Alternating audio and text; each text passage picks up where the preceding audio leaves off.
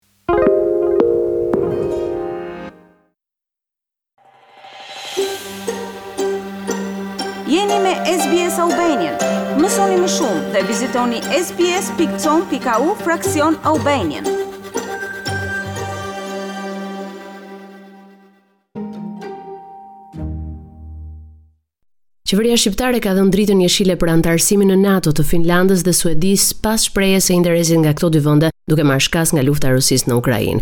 Ministrja e Jashtme Olta Xhaçka pas mbledhjes së qeverisë bëri të ditur se Këshilli i Ministrave miratoi protokollet për anëtarësimin e Finlandës dhe Suedisë në NATO. Më pas do duhet votimi në parlament, por ne shpresojmë që ky moment zgjerimit do të shërbejë për t'i dhënë një momentum të ri zgjerimit të mëtejshëm të NATO-s edhe në Ballkanin Perëndimor, Dhe këtu dua të theksoj gjithmonë rastin e Kosovës e cila ndan me aleancën të njëjtat parime dhe të njëjtat vlera, deklaroi ministrja e jashtme Olta Xhaçka në fjalën e saj.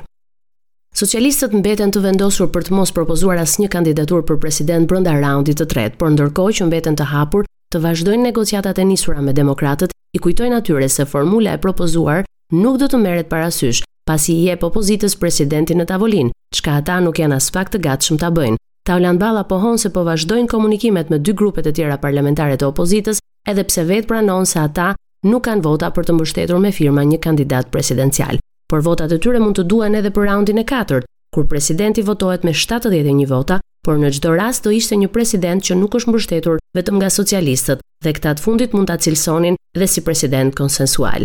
Sa i takon bashkëpunimit për reformën zgjedhore dhe atë territoriale, ku sërish kërkohen vota opozitare, Balla shprehu gatishmërinë për ta nisur sa më parë punën, duke specifikuar se për të parën ka shumë çështje që duhen ndryshuar, ndërsa për reformën territoriale variante që duhen eksploruar, pasi hartën administrative territoriale të ndryshuar vetëm me votat e të majtës në dy mijë e katërmbëdhjetë e cilësonin të suksesshme. Kreu i Partisë Demokratike dhe ish-kryeministri i vendit Sali Berisha në një deklaratë nga selia e Partisë Demokratike ka dënuar pikëpamjet e kryeministrit Rama sa i takon votimit të emigrantëve shqiptarë, që sipas Berishës janë shprehur nëpërmjet Alibejait për një zonë të veçantë për emigracionin. Gjatë fjalës së tij Berisha e ka paralajmëruar Ramën që të mos luajë me lirinë dhe të drejtën e miliona shqiptarëve të cilët ndodhen në mbarë botën. Është sintonizim i një farse të shpifur të zgjedhjes së presidentit Republikës nga Edi Rama me kalp opozitën. Por, meqë jam këtu para jush, duhet të dënoj me ashpërsinë më të madhe pikëpamjen e Edi Ramës të konsiderimit të emigracionit dhe diasporës si një zonë e veçantë elektorale.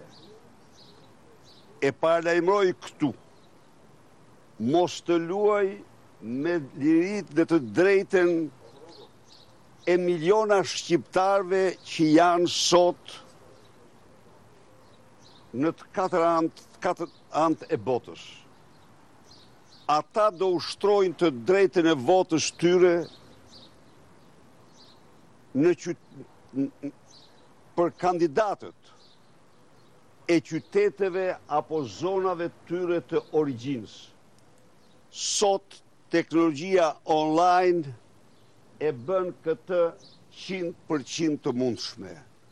Çdo përpjekje që shprehu nëpërmjet Edi Ramës, që shprehu nëpërmjet veglës së tij Ali Bej për një zonë të veçantë për emigracionin është një përpjekje e mirëfilltë antidemokratike, antishqiptare, është një fyerje e madhe që u bëhet emigrantëve dhe diasporës shqiptare në të katër anët e dheut. Do të hasë kjo në një rezistencë mbarëkombëtare. Për herë të parë pasi shkëmbyen akuza të ashpra publikisht mes tyre para zgjedhjeve të dy mijë e njëzet e një-shit, njëzet e pesë prill, Presidenti Meta dhe ambasadorja amerikane Yuri Kim kanë shtrënguar duart. Çështja që i uli në tryezë ka qenë trafikimi i qenieve njerëzore, organizuar nga presidenti dhe ku pjesë përveç presidentes së Kosovës, fizikisht dhe virtualisht, u bënë dhe disa kongresmenë dhe senatorë amerikanë. Të gjithë në fjalimet e tyre shprehën shqetësimin për rritjen e numrit të të viktimave të trafikut të qenieve njerëzore dhe angazhimin qeveritar dhe atë të shoqërisë civile për të mbështetur me fonde dhe ndihmë psikosociale këtë kategori.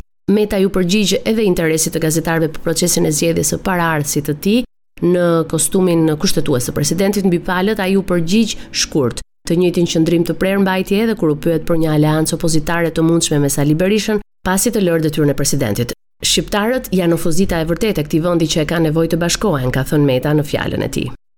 Kryeministri i vendit Edi Rama për të shmangur përkthimin e keq iu desh të shkelte protokollin, duke folur në anglisht gjatë ceremonisë së dhënies së medaljes Ylli i Madh i Mirënjohjes Publike, komandantit të Komandës Operacionale të NATO-s, gjeneral Tod Daniel Wolters. Momentin e dekorimit, ai e cilësoi privilegj duke e cilësuar gjeneralin Wolters avokatin më të mirë të Shqipërisë në arenën ndërkombëtare, Gjithashtu ai e cilësoi gur themeli për marrëdhëniet mes Shqipërisë dhe Shteteve të Bashkuara të Amerikës, ai gjithashtu zbuloi projektin e radhës, atë të një baze detare të NATO-s në vendin tonë. Gjenerali Wolters nga ana tjetër vlerësoi kontributin e Shqipërisë krah Aleancës së Atlantikut Veriut, duke e veçuar stërvitjen më të madhe pas Luftës së Dytë Botërore Defender 21, në të cilën janë angazhuar 3100 trupa të NATO-s dhe 960 ushtarë shqiptarë.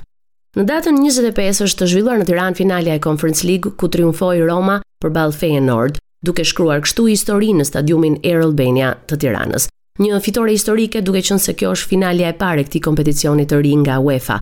Në lidhje me organizimin dhe mbarëvajtjen e ndeshjes, kryeministri Rama përmes një postimi në Facebook i ka shprehur falënderime të gjithë atyre që i dhanë jetë mbrëmjes. Kryeministri Rama i ka uruar të gjithëve një ditë të mbarë me krenarinë dhe përshtypjet që Shqipëria la në sytë e të gjithë Europës. Raportoi nga Tirana për Radio SBS Gerta Heta.